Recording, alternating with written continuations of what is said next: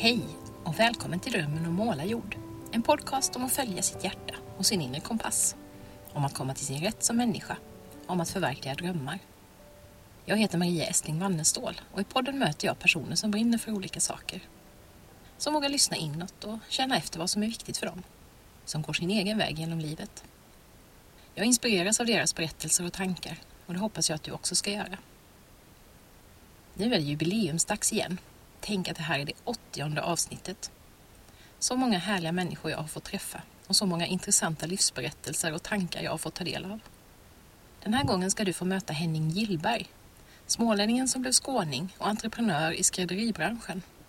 För två år sedan startade Henning sitt företag Repamera som hjälper människor som vill laga sina favoritplagg men inte själva kommer iväg till en skräddare.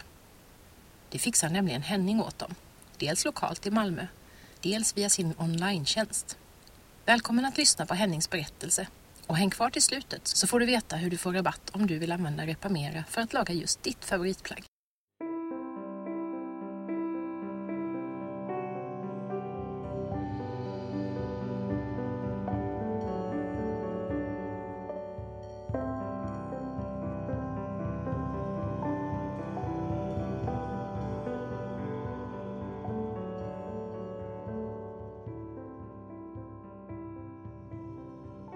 Jag är en 26-årig man eller herre från Småland som har bott i Skåne, Lund och Malmö sedan 2014.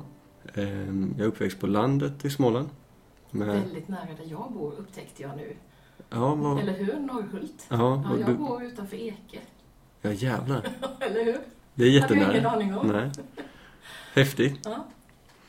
Och sen så då gick jag gymnasiet. Ja, jag växte upp där på landet med får hade vi, hundar och syskon. Ja.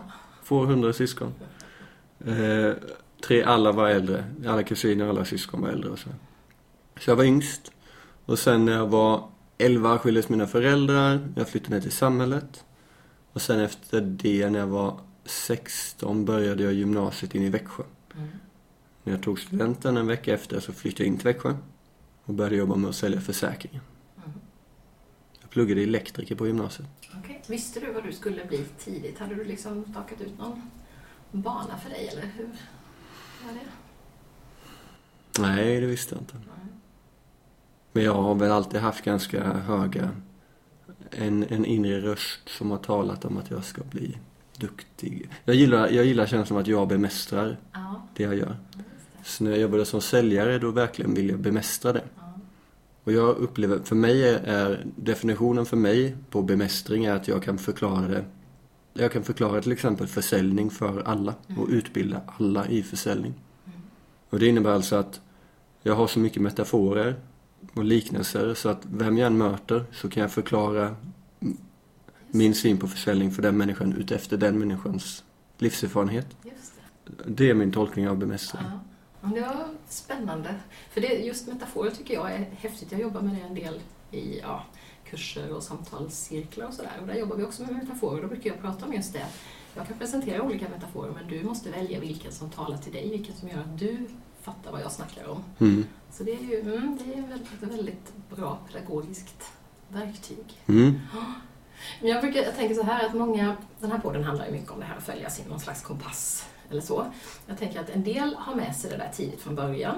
En del kanske hittar det som jag gjorde, kanske lite sådär i någon livskris, man har gått igenom någonting och så börjar man liksom fundera på vem är jag och vad är viktigt för mig och så. Mm.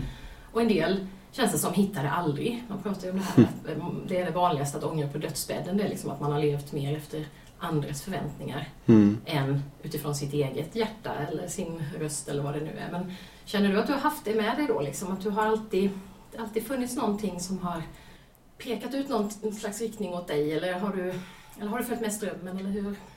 Ja, men jag, jag vill nästan dela in det i tre perioder. Ja. Alltså jag tror fram till jag var 11 så var jag väldigt så sär, inte säregen men jag var väldigt, nej jag var väldigt bra på det jag gjorde. Ja. Jag tyckte om, jag, jag höll mig i schack liksom. Ja, och sen, sen så i och med puberteten och skilsmässa där blev jag, alltså jag tror puberteten är Senaste året har jag varit lite inne på religion. Mm. Eh, och så här, vad innebär Edens lustgård. Det, jag skulle, jag, min tolkning är att det är puberteten. Ja. Så Eva och Adam går runt nakna och ingen bryr sig. Sen så fort de lämnar lustgården, då liksom vill de ha kläder på sig. De blir väldigt självmedvetna. Adam börjar skylla på Eva när de äter frukten och du vet de blir så här, Ja. Sätter dit varandra. Så jag, jag tolkar puberteten som, det är då man kommer in i det här flockljus eh. Och det är väl av den sexuella drivkraften då. För att man vill inte dö utan att ha eh, gjort någonting för evolutionen. Eh, Så då, och det har gjort mig väldigt tillbaka, jag har hållit tillbaka mig själv på grund av det.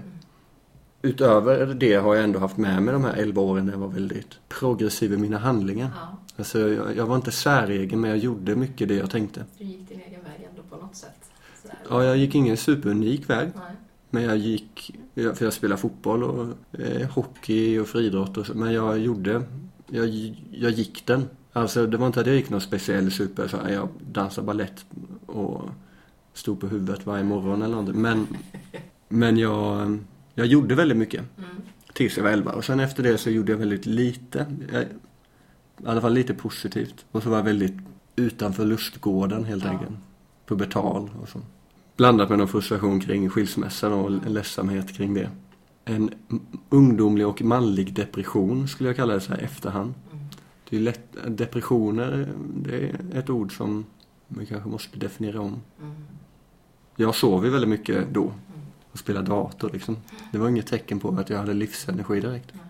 Men det var ingen, det var ingen som tänkte det kring en, som en depression. Det var mest att jag gillar att spela dator och sova. Jag läste om lätt att man tänker att så är det att vara tonåring. Man är trött, man vill sitta vid datorn. Det, det hör liksom till. Mm. Men sen när jag sover till så här fem, sex på eftermiddagen.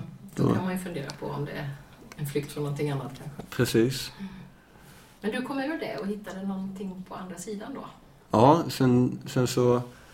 Precis. När jag var 20, när jag var som mest uppe i försäljning på Treganza, jobbade jag som försäljare och drack mycket kaffe och hade skjorta och sådär. Så drog jag och en kompis till eh, Indien och satt och mediterade i tio dagar. Väldigt eh, gött i norra Indien uppe i bergen. Eh, och det, det var väldigt så här, jag, jag kommer ihåg hur glad jag var efter det i flera månader. Och sen direkt när jag kom hem från de tio dagarna, det var här introduktionskurs till buddhism. När jag kom hem därifrån så sålde jag ännu mer, fast det var mycket lugnare. Mm. Så jag märkte så här, jag var duktig säljare men nu sålde jag betydligt mer utan att, alltså det var inte ansträngande alls. Och jag drack ingen kaffe liksom, jag var helt, Du behövde inte de där yttre nej. grejerna. Och det, det var jävligt så här: wow, vilken grej. Och sen, eh, sen så flyttade jag ner hit till, till Lund och pluggade filosofi och sen så flyttade jag in till Malmö. Och samtidigt jobbade jag på Drogransa i Malmö då. Jag flyttade från Växjökontoret till Malmökontoret. Och det var härligt.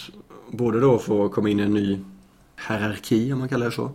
Eh, På Växjökontoret var jag ju, eh, från att jag började var jag väldigt duktig och så här. Men sen när jag kom ner hit så var det en ny Ja, hierarki. just det. Du börja om igen där då? Ja, och det var jävligt utmanande. Mm. När jag trodde att jag var färdig med livet liksom. Och sen började jag plugga och då var det ytterligare en ny hierarki och det var så här shit. Plugg, akademin går jävligt långsamt jämfört med dopaminpushade kaffeförsäljning. Så varje morgon gick jag till skolan och pluggade produktdesign och sen på kvällarna gick jag till Treganza och jobbade som försäljare. Det var en väldig kontrast där i ett Ja. år. Varför blev det produktdesign just? Ja, men det var efter, det var när jag bodde i Lund och så tänkte jag fan, jag, känner att nu, nu vill jag vidare från Treganza på något sätt. Eh, hittade jag massa utbildningar och, eh, och så den som egentligen kopplade mest ihop med det jag har gjort tidigare i livet. Så här, ellära, jag pluggar elektriker. Mm. Photoshop och lite grafiskt, ja men det har jag hållit på med sedan jag var 11 liksom. Blandat med idéer, ja men jag gillar idéer. Så, så ja, men, ja men då ska jag bara söka det. Mm. Så jag sökte bara in på det programmet. Och kom in då. Så det, var, det kändes rätt. Mm. Så det var ingen så här slump på något sätt. Nej, men du hade inte en sån där jättetydlig vision för det här är vad jag vill göra och det här är vägen dit? Eller hur, hur tänkte du? Nej, inte då. Men jag har ju alltid tänkt att jag ska starta eget. Mm. Det har funnits hela tiden. Mm. Så när jag bodde i Växjö höll jag på med massa idéer och gick till Almi och fick lite hjälp. Och Mm. skissat mycket idéer och påbörjat projekt. Mm. Men inte liksom tagit tag i dem. Och hän, jag har inte hängett mig. Nej. Men sen då i, när jag pluggat ett och ett halvt år där så, så började jag jobba lite konsultande här på Green Furniture. Ett företag som gör möbler. Mm. Och de är, satt ju här på Mink då, ett startup-hus i Malmö. Just det, det är där vi sitter nu. Exakt. Mm. Centrala Malmö. Mitt emot eh, Malmö universitet. Och då kom jag in i det här med att en arbetsplats behöver inte vara så hierarkisk och trögstyrd som Trygg-Hansa. Som jag har varit i fem sex år. Utan det och det var väldigt härligt att, att se det här enkla företagandet. Det är ganska mänskligt på något sätt. Ja, så höll jag på där ett år ungefär. Och sen efter jag varit där ett år och hållit på testa allt möjligt så kom jag på idén med Repamera då. Ja. Wow. Och Mm. den kom bara från ingenstans, eller var, hur gick det till? Mm, det är det här du är nyfiken på? Bland annat. Ja. För det är ju något, jag menar, vi alla går ju omkring med trasiga, trasiga kläder, men det är inte så många av oss som startar ett företag som fixar det åt folk. Nej, verkligen. Jo, då var jag på väg hem i januari 2017. Så tänkte jag, imorgon ska jag gå till skräddaren. Det, jag gjorde det första gången jag flyttade in till Malmö 2015. gick jag till skräddaren. Tänkte, vad fan, jag har inte varit hos skräddare tidigare. Mm. Min mormor var skräddare när jag, när jag växte det upp. finns lite bakgrund där också. Precis. Mm. Framförallt så här lite så story av repamerare så Eller finns hur? det. Får man bygga på den lite. Ja. Ja. Jo, så tänkte jag, imorgon ska jag till skräddaren. Man kan beställa hem mat till sin dörr, som jag gjorde väldigt mycket. Nej, inte väldigt mycket, men jag, jag äter ute ofta. Mm. Billig falafel i Malmö och så.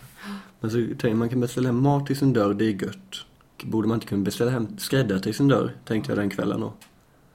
Jo, vilken jävla idé liksom. Och sen gick jag hem och så var, det var verkligen så här blixt från klar himmel. Ja, den kom så verkligen. Ja, Mm. men det var 12 januari 2017. Mm. Så satte jag mig vid datorn med kläderna på, alltså ytterkläderna på. Och eh, kängor och halsduk och allting. Och bara, jag måste göra marknadsundersökning. Så började jag skriva ihop en enkel marknadsundersökning. Genom ett marknadsundersökningskonto jag hade från Green Furniture. Så jag hade liksom tillgång till sådana bra program och sånt. Det var ju gött. Eh, Så därför skulle jag inte säga att något är en slump, eh, om jag svarar på den frågan. Utan allting är någonting. Det hänger ihop och det, pusselbitarna liksom faller på plats. Ja, precis. Mm. Så skrev jag ihop, har du trasiga kläder hemma som du vill laga? Skrev jag. Och så skickade jag ut det. Började skicka ut det i grupper och i min chatt. Och sen efter ett tag fick jag upp felmeddelanden från Facebook. Nu har du skickat för många på Messenger. Så började jag skicka ut det i grupper då. Och sen så började jag skicka ut i köp och säljgrupper som att jag sålde klädreparationer. Fast jag skrev Hej, ta 36 sekunder och hjälp mig med denna marknadsundersökning. Liksom.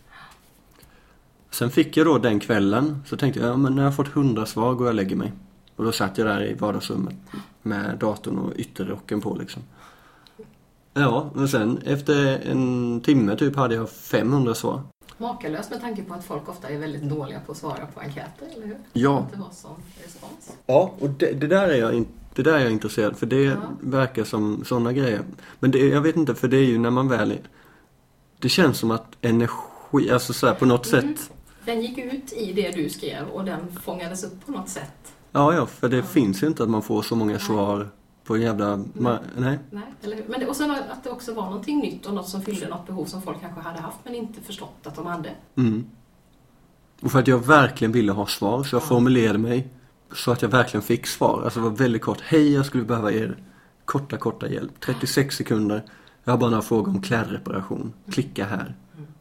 Och då sa 80, nej, 78% av 517 sa 78% ja. Alltså 400 stycken av 517. Att de hade trasiga kläder hemma som de ville använda igen. Ja. Och då blev jag helt så här: wow vilken Ja. grej liksom. Du fångade upp någonting som bara ingen hade frågat om förut. Ja, verkligen. Och sen dagen efter så började jag prata med bekanta som jobbar som affärsutvecklare och någon här på Mink också. Så en, en sa, Frida sa, ja men eh, hitta en skräddare. Så gick jag bort här och hittade en skräddare. Och sen var det en annan som sa, ja, men hitta en kund. Då fick jag 10% marginal från den här skräddaren efter att jag stått och pratat en timme liksom. Det var ingenting egentligen, men det var. Och sen på kvällen skrev jag, hej jag hämtar kläder i Malmö. Jag cyklar, jag cyklar och hämtar kläder i Malmö. Just det, för du gjorde det med cykel också då ja. Ja. Och då fick jag mina första kunder. Samma kväll då. Mm. Och då blev jag helt hög på, Ja visst. så här, fan vad häftigt liksom. Ja visst, att det kan gå så lätt ibland. Ja. Och sen så fortsatte det. Sen efter en vecka så ringde tidningen. Efter två veckor ringde tidningen, en lokaltidning. Och sen så startade jag aktiebolag. Jag sålde mina, jag hade lite aktier jag sparat ihop. Jag sålde dem och så startade jag eget aktiebolag tänkte jag och investerade i mig själv. Och sen bara fortsatte det mer och mer och mer. Och började söka massa, det finns väldigt mycket finansiering och bidrag att söka när man har eh, en skalbar idé. Alltså en idé som utan att behöva kräva mycket mer eh, ett konsultuppdrag, det är inte skalbart. Nej. Utan då måste för varje såld timme måste vara Ja, just det, så måste du prestera motsvarande. Exakt. Men ett företag då som kan skala upp utan att behöva anställa Ja, det är exponentiell tillväxt Mm. helt enkelt som görs möjligt. Eh, Så var det. Eh, Då är det lätt att söka bidrag. Och därför så började jag söka bidrag och ju mer jag sökte desto mer kom jag in i det tänket kring skalbarhet och tillväxt och hur kan man göra det effektivt och så. Och sen i juni ungefär började folk från eh, Göteborg och sådär fråga om de kunde Just det, så det spred sig också helt. Och det var inte du som hade liksom annonserat där eller så, utan det, det var bara folk som hittade dig då. Ja, Det är också ganska fantastiskt, för jag tänker många företagare som kämpar och kämpar och kämpar för att nå ut. Och sen att det liksom bara händer organiskt på något vis. Jag tror att eh, många kämpar av den anledningen att de inte lyssnar på vad marknaden vill ha. Nej. För marknaden är inte så jävla komplicerad. Utan det är oftast entreprenören som är den, den som gör marknaden komplicerad. Mm. Utan säger kunden, jag vill ha, jag vill ha blå byxor. Så säger entreprenören, ja men vi vill göra gröna. Mm. Ja, gör, och så gör de tusen gröna. Så säljer de inte. Och så pushar de ut och skapar affischer och reklamfilmer. Ingen köper gröna byxor. Mm. Vad säger marknaden då? De tror att de vill ha blåa. Mm. Vill de ha det kanske? De, ja, men jag vill sälja gröna byxor. Det är det viktigaste, vad jag vill. Och så börjar klageriet då på kunderna är dumma och samhället är dumt och så. Men marknaden är ganska, det är en organism i sig. Mm. Den är orättvis också, marknaden. Mm. Om man nu ska gå in på rättvisa. Så. Mm. Det finns något som heter Pareto-principen. Har du hört om det? Det är att 20% av allt man gör får 80% av uppmärksamheten. Och det verkar vara någon fysiologisk regel. För att om man tänker typ, eh, ja men tänk typ en popstjärna. 20% av deras låtar får 80% av alla Ja, lyssningar. Och allt annat Ja, passerar ganska obemärkt. precis. Och, och av, eh, exakt, och alla andra, Aviciis låtar så är det 20% får 80% av all uppmärksamhet. 20% av alla som gör bra musik får 80% av all uppmärksamhet. Ja. Stackars alla de andra. Som är utanför den Ja. principen. Och det verkar vara någon sån exponentiell som går upp. Mer och mer och mer. Så 1% får 90%, alltså så här, det blir mer och mer och mer. Ja, just det. Ja, men det är lite som tillgångarna i världen. Liksom. Det är ett litet, litet fåtal som sitter på Precis. Och det är så det alltid blir. Och det är därför då politik, egentligen är väl det bara det. Hur ska vi fördela Pareto-principen, tänker jag. För det kommer alltid uppstå. Ja. Hur man än gör. Alltså kolla i kommunistländer, då är det ändå några få som har väldigt mycket tillgångar. Och resten har inte det. Men du hittade ju du hittade precis det som folk ville ha. Det var liksom rätt i tiden och ja, du fångade upp ett behov som man inte kanske hade tänkt på. För det handlar ju egentligen om att spela på människors bekvämlighet. Så länge de tänker att de vill, att de vill laga. För man kan ju också tänka att nej, jag vill inte laga, köpa Mm. nytt istället. Mm. Men alla som vill återanvända, och det var ju många här uppenbarligen, eftersom Mm. din undersökning visade det. Mm. Men det är kanske inte så många som kommer iväg och faktiskt lämnar till skräddaren och därför köper man nytt istället. Så att, jag tänker att du, du fångar upp någonting som är ganska typiskt idag också. Att vi, har, vi har ont om tid och vi har eh, Ja, vi vill göra lättast möjliga oftast. Liksom. Och det där, det är en, en annan sån fysisk regel liksom. Alltså, vi vill ju gärna bli bättre. Jag brukar jämföra det med så här, jag, jag kan börja med att svara på din fråga. Eh, att, eh, ja, det var rätt i tiden. Mm. Att, att, eh, att få favoritkläder lagade verkar vara intresset. På bekvämligaste sätt. Och bekvämligaste sätt, nej, att få tillbaka favoritplagg Mm. på bekvämaste sätt. Sånt som man verkligen inte vill skiljas från och måste. Exakt. Och då finns det, det finns ju flera lösningar på det. Det ena är att kunden går och köper nytt. Det andra är att de hittar en lokal skräddare. Eh, Det tredje är att de skiter och lagar det och går runt med trasiga kläder. Och det fjärde är att lägga in det i garderoben Mm. och låta det vänta. Och det femte är att skänka bort det. Så det fanns massa olika alternativ för kunden. Och kunden kommer alltid göra det som är bekvämast. Mm. som du sa, alltså minsta motståndets lag. Och det är så el funkar. Det går ju alltid kortaste vägen. Ja, just det. Och det är, så, det är därför vi har vattenfall. Det är för att det faller där det är lättast för vattnet att falla.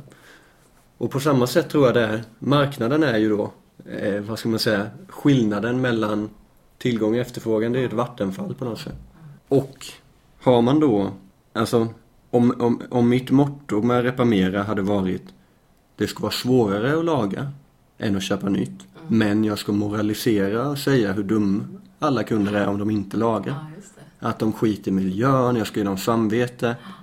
Så finns det ju tyvärr de som bygger bolag. Ja. Och de mår ju också dåligt då i längden för att de måste skrika ut så högt.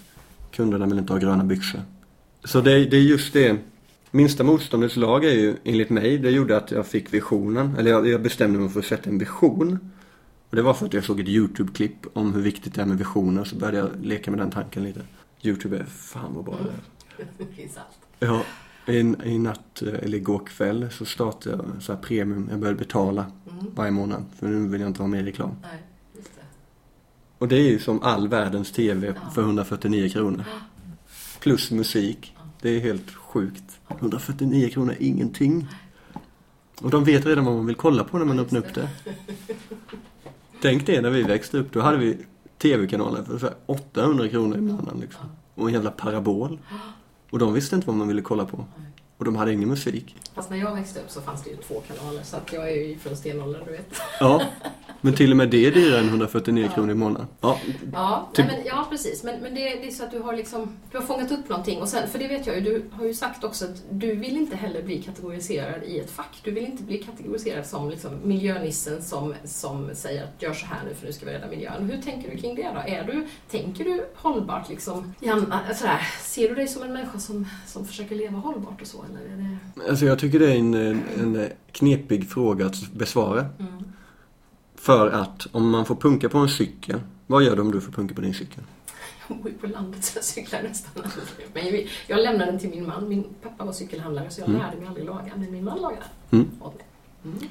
Är han en miljöhjälte när han lagar punka på cykeln? Inte just då, men i andra sammanhang tycker jag han är det. Mm. För det var ju det jag tyckte var intressant att när jag då började Min vision, det var där vi tappade. Ja, Visionen är det är enklare att laga än att köpa nytt. ja det. Det var vad jag bestämde i Sverige. Det är enklare att laga än att köpa nya kläder i Sverige. Och alla beslut Repamera har tagit sedan dess har varit utefter den Ja, visionen. Så kommer du med en bra idé så lyssnar jag och säger ja, tack. Och så tänker jag, gör detta det enklare och svårare för kunden att laga än att köpa nytt. Det gör det svårare. Okej, bra idé. Jag kommer inte använda den nu liksom. Tack för idén. Och sen om det är hållbart eller inte att laga kläder, det låter jag vara upp till kunden. För jag kan säga laga för att vara, vara god eller laga för att vara ond. Eller kan jag säga laga för att få tillbaka ditt favoritplagg. Ja, just det. Så du har en annan ingång i det liksom och kan fånga upp de som kanske inte då skulle gå igång på den moraliserande. Jo, för jag tror... Nej, jag tycker, det, jag tycker det är jättejobbigt för att en, någon som lagar sin, sin cykel som får punka är ingen miljökämpe. Nej. Varför är man om man lagar kläder som går sönder? Fast man kanske är miljökämpe för att man cyklar istället för att ta bilen till jobbet. Det kan man göra av miljöskäl. Är man en, okej, är man miljökämpe om man är naken istället för att ha kläder? Ja, möjligen. Nej, Nej, men- men visst, jag fattar vad du menar. Det är, ja, det är svårt med definitionerna. Det är ju att vi, vi så gärna, jag tror vi så gärna vill höra Åh, jag gjorde ett hållbart val. Mm. Åh, vad bra. Men det verkar ju som att det räcker inte att få, för då får man en kick. Mm. Och jag har spelat in en podcast själv med en kompis, han pluggar psykologi. Det heter Social Self Completion. Mm. Så till exempel om jag ska börja springa och så säger jag till dig, jag ska börja springa och du säger, åh vad duktig du är som ska börja springa. Så börjar jag lägga upp bilder när jag springer och får massa likes. Då kommer jag sluta springa. För jag har redan blivit självbekräftad, eller bekräftad utifrån som en löpare. Likadant om man då, ja kolla jag lägger upp på um, någonstans, kolla jag har gjort en miljövänlig handling, jag plockar upp en flaska. Mm. Eller man går med i ett sånt här event där man går på stranden och plockar skräp liksom. Alltså, då blir man bekräftad för någonting som man inte riktigt är ännu. Alltså jag tror inte det är så viktigt för Bob Dylan att kalla sig musiker. Nej. Eller för Picasso att kalla sig konstnär eller Det är för... inte kategoriserandet i sig som är det väsentliga. Utan, Nej, inte för de som verkligen gör någonting. Men det är mest för de som är lite så på gång och gör något. De vill gärna göra det. Men sen har du ju engagerat dig i, alltså på något sätt mot konsumtion i det här White Monday som ju, nu tänkte jag väldigt passande att vi ses idag för det var ju Black Friday i fredags folk sprang mm. som tokiga till affärerna och handlade. Och du var med och startade White Monday som är en slags motreaktion mot det. Så det finns ju någon, i dig finns ju någon slags tanke om att vi ska konsumera mindre Mm. nytt. Och det, och det behöver inte, det, alltså, eh, en, ja, du hör att jag passar mina ord här. En anledning till det är, alltså, hur ska jag säga detta? Onödig nykonsumtion Mm. handlar inte om saken i sig. Det är någonting annat som gör att människor som, ja, jag har vänner som tjänar 35-40 efter skatt Mm. och har skulder. De lånar pengar för att köpa grejer, köper på avbetalning och är stressade och dricker kaffe och energidryck. Och tycker de har för lite tid och, och då liksom kommer man med förslag, men du kan ju börja jobba 80%. Nej, det har jag inte råd med min, alltså så här. Nej, just det. Så det ligger någonting i grunden för det där Mm, konsumerandet. precis. Om man kollar, vi förbrukar fyra jordklot per person. Mm. I Sverige lever vi som att vi har fyra jordklot. Alltså vi gör allting som påfrestar miljön fyra gånger för mycket. Mm. Och det som är sunt för miljön gör vi fyra gånger för lite. Mm. Så vi borde börja laga fyra gånger oftare. Och så borde vi köpa nytt, nytt fyra gånger mindre. Mm. Bara en sån här enkel tumregel. Eh, är du med på den? Mm. Och jag tror att det är en direkt koppling till I Sverige dricker vi näst mest kaffe i världen. Mm. Vi dricker 4,2 koppar. Och jag har för mig det 4,2 jordklot också. Och jag tror kaffe är ju att man, man är före, alltså hjärnan blir snabbare än kroppen. Du är lite före. Så din kropp är trött men du pushar till den och så är hjärnan är igång liksom. Och jag tror att det är, eh, alltså det är någon sorts, och det, det är det buddhismen kallar egot. Det är det som är, inte är i nuet. Alltså så fort man är i framtiden eller i dåtiden så är egot igång. När man är i nuet så är man varken i historien eller framtiden. Och kaffe gör att vi är fyra gånger lång, längre fram. Ja. och gör fyra gånger mer saker som vi inte behöver. Så ja, jag engagerar mig i saker som eh, till exempel då var med och grundade White Monday och eh, i två år nu. Repamer drog igång det förra året och sen så nu i år då igen. Så. Och det, det handlar ju inte om att sluta konsumera eller att vara hållbar utan det handlar om att det finns någonting nu som heter cirkulär ekonomi. Mm. Som är ekonomi utan avfall. Där det går runt istället. Där vi byter och lagar och Precis. second hand-shoppar och så. Ja. Mm. Och det är det vi måste till om vi ska kunna dra ner på de där 4,2 jordkloten, eller hur? Nej, jag tror ju inte det. Jag tror bara att vi måste sluta dricka så mycket kaffe. Ja.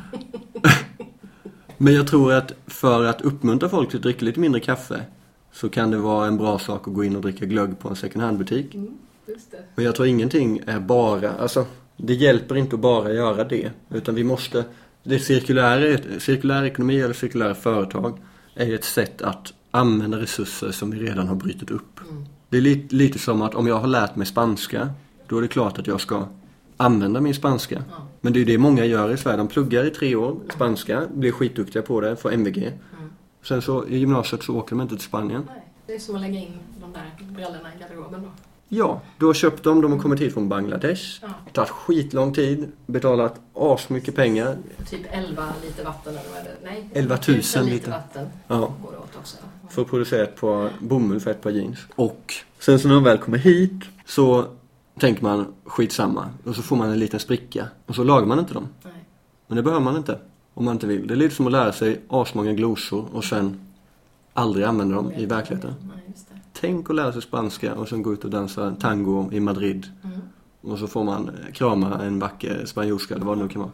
Då har man ju fått användning och valuta för spanskan. Visst. Precis som när man köper de här fina byxorna kanske man ska gå ut och dansa tango. Men man kan ju dansa i dem och prata spanska samtidigt så kan man slå två flugor. Exakt. Och när den går sönder då, då får man lära sig glosan på nytt. Mm. När man tappar glosan då får man kolla upp det i ordboken. Som att laga. Så är min syn på hållbarhet. Mm. Och det handlar, det handlar om med, någon slags medvetenhet också, eller hur? I detta, i hur vi konsumerar. Att vi inte gör det. Att vi inte, att vi inte tokkoppar på Black Friday bara för att alla andra gör det. Jag kanske inte behöver något, men jag dras med i det här och så köper jag det bara för att alla andra gör det. Ja, man är lite utanför lustgården Ja, igen. lite så. Man kan ju gå tillbaka i lustgården Ja, och vara... Det är ju mycket, mycket finare där inne. ja eller hur? För det tänker jag också att just det här, jag vet vi bloggade jag och min kompis för några år sedan om hur mycket roligare det var att blogga än att shoppa. Kom vi på. Mm. Men just det här att man, att man hittar, ja men, aha, det där som gav mig den kicken, den kicken kan jag få på något annat sätt. Det Ja. inte innebära att jag går och tillfredsställelse med någon slags ha-begär, utan jag kan uppnå en helt annan, eller en, en lika god tillfredsställelse fast på ett helt annat sätt. Mm. Det tycker jag är ganska häftigt när man börjar, och det tror jag man gör mycket, men det är sånt man upptäcker när man vänder sig inåt lite grann som du gjorde när du åkte till Indien och som jag har gjort mycket genom alla möjliga meditationsgrejer och eh, samtalscirklar och sådär. Just att man får liksom fatt i vad är det jag behöver för att må bra? För då behöver jag inte den där nya klockan nödvändigtvis Nej, för att känna den tillfredsställelsen utan då kan jag hitta den liksom inuti istället. precis. Och jag tror att all information vi får, det är, alltså vi ska inte ta emot information som vi inte använder. Nej. För då blir vi lite, lite knäppa. Ja. Eller jag blir lite knäpp då i alla fall. Alltså om jag pluggar någonting som jag ändå inte gör, då blir jag lite knäpp. Eller om jag läser i media hur förfärligt det är i alla andra delar av världen. Mm. Då blir det, oh, vet så här. Men det jag egentligen kan göra är bara starta en förening med ett grannområde. Mm. Men det läser jag inte om i Sydsvenskan utan där stod det om Trump och vad han sa igår. Mm. Så matas vi med det. Mm. Och jag tror livet går ut enligt mig på att minska avståndet mellan hjärnan och kroppen. Alltså fakta och information och fysisk handling måste vara sammankopplade. Mm. Men om du berättar för mig hur jobb, alltså saker jag inte kan påverka tror jag leder till jobbiga känslor. Mm. Och då hamnar du lätt i det här handlingsförlamade tillståndet istället kanske. Istället för att gå och starta den där föreningen med dina kompisar. Som kanske också ger dig livskvalitet som gör att du inte behöver Ja. hoppa dig lycklig. Eller? Ja, och då, och då tror jag det kommer sådana saker som klimatångest och Ja, sådär. ja. Så har du ingen sån? Du känner inte det? Kan du hålla det borta liksom genom att du gör någonting aktivt? Klim, nej, det har jag inte. Har du det? Jag har haft jättemycket i sommar. Klima, vad, är, vad är det? Ja, men jag fastnar i det här att hur fasen går det för mina barn och barnbarn? Ska de ha någon planet att leva på eller hu- överhuvudtaget? Men jag känner ju det att så fort jag gör någonting, så fort jag gör någonting aktivt så minskar den. För då känner jag att då har i alla fall jag gjort Mm. något. Då, då mår jag bättre. Och Kina gav 90 miljoner kineser eh, resevisum nu. Mm. Och det var rikare medelklassen som bara började resa. 90 miljoner, det är 10 Sverige. Bara de som har pengar liksom. Och det gick bra så nu funderar de på att ge 90 miljoner till resevisum. Mm. Och då är det ju, alltså då blir det lite torftigt att byta ut liksom plastsugrör mot metall liksom. Mm. Men samtidigt så vet vi också att det vi gör sprider inga på vattnet. Jo, jag vet, jag vet, det är ju det. Eller hur? Så det är ju, alltså, Ja men, då, ja men då kan man ju ge upp. Då kan man ju tänka också att nej, det, vi skiter i det liksom. Då, varför ska jag laga då? Då kan jag lika gärna köpa en ny tröja från Bangladesh. ja, om man, om man, om man lagar på grund av hållbarhet, Ja. då kan man lika gärna. Men om man lagar för man vill För ha... man vill ha sina brallor. Yes! Där vi är. Ja, jag tycker det är skitkul det du gör i alla fall. Oavsett vad du har för bak, baktanke eller grund för det så, så är det ju någonting som, som faktiskt gör skillnad. Jag- jag hoppas att det ska gå jättebra för ditt... Jag vet att du har planer på att expandera och fabriker och allt möjligt. Ja, jag har ju en eh, reparationsfabrik Du har det nu? Ah, Det var därifrån jag kom det var nu. där du var. Ja. Med fixa skrivaren. Ja. Jag har köpt en begagnad skrivare. Ja. Men det är massa problem med begagnad skrivare. Ja. Men du är på gång? Det är på gång. I början av nästa år kommer jag anställa skräddare. Mm. Och... Eh, mm. Mm. Härligt. Tack så mycket för att jag fick komma till Malmö och träffa dig. Och lycka, lycka, lycka, lycka till! Tack så hjärtligt. Skitbra det du gör. Ja. Och tack för att du bjöd in mig.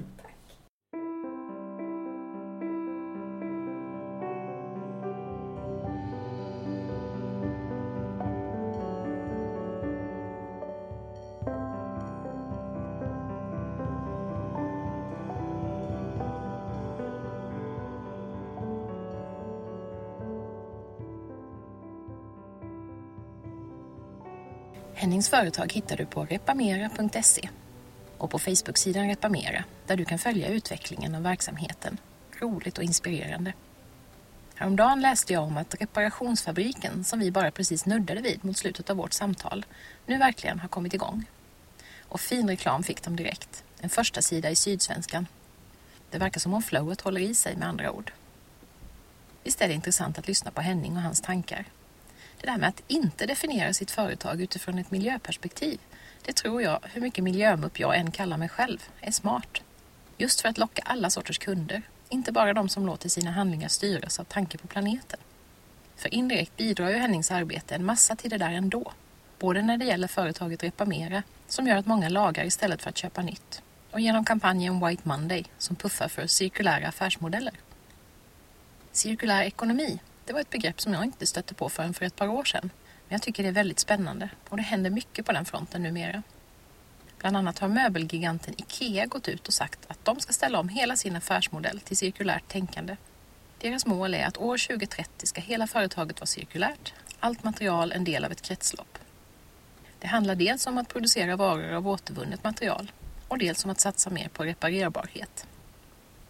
Har du förresten hört talas om Retuna i Eskilstuna? Ett helt köpcentrum som bygger på den cirkulära affärsmodellen. Och allt som säljs i köpcentret är antingen second hand eller nyproducerat av någonting återvunnet. Fantastiskt. Jag lägger en länk till ett inspirerande BBC-reportage om Retuna på webben.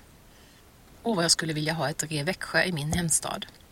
Och så gärna med en saluhall och restaurang med ekologisk och närproducerad mat. Helst helt förpackningsfritt, mitt i alltihop. I Malmö finns förresten Sveriges första förpackningsfria matbutik, Gram, där allt säljs i lösvikt. Ja, det händer faktiskt väldigt mycket nu, trots att vi mest matas med nyheter om det som går i fel riktning. Och för mig är det extremt viktigt att uppmärksamma det positiva som händer omkring oss. När det var Grammisgala häromkvällen upptäckte jag exempelvis att man har instiftat ett hållbarhetspris som det här året gick till Annika Norlin och att maten på galan var planerad utifrån klimatpåverkan. Det här må vara små saker i det stora hela, men de hjälper i alla fall mig att behålla mitt aktiva hopp. Det som boken jag snart är färdig med att översätta handlar om. Den första maj blir det, som jag nämnde i förra avsnittet, releasefest i Växjö på härliga Café Deluxe mitt i stan. Och du som lyssnar är förstås inbjuden.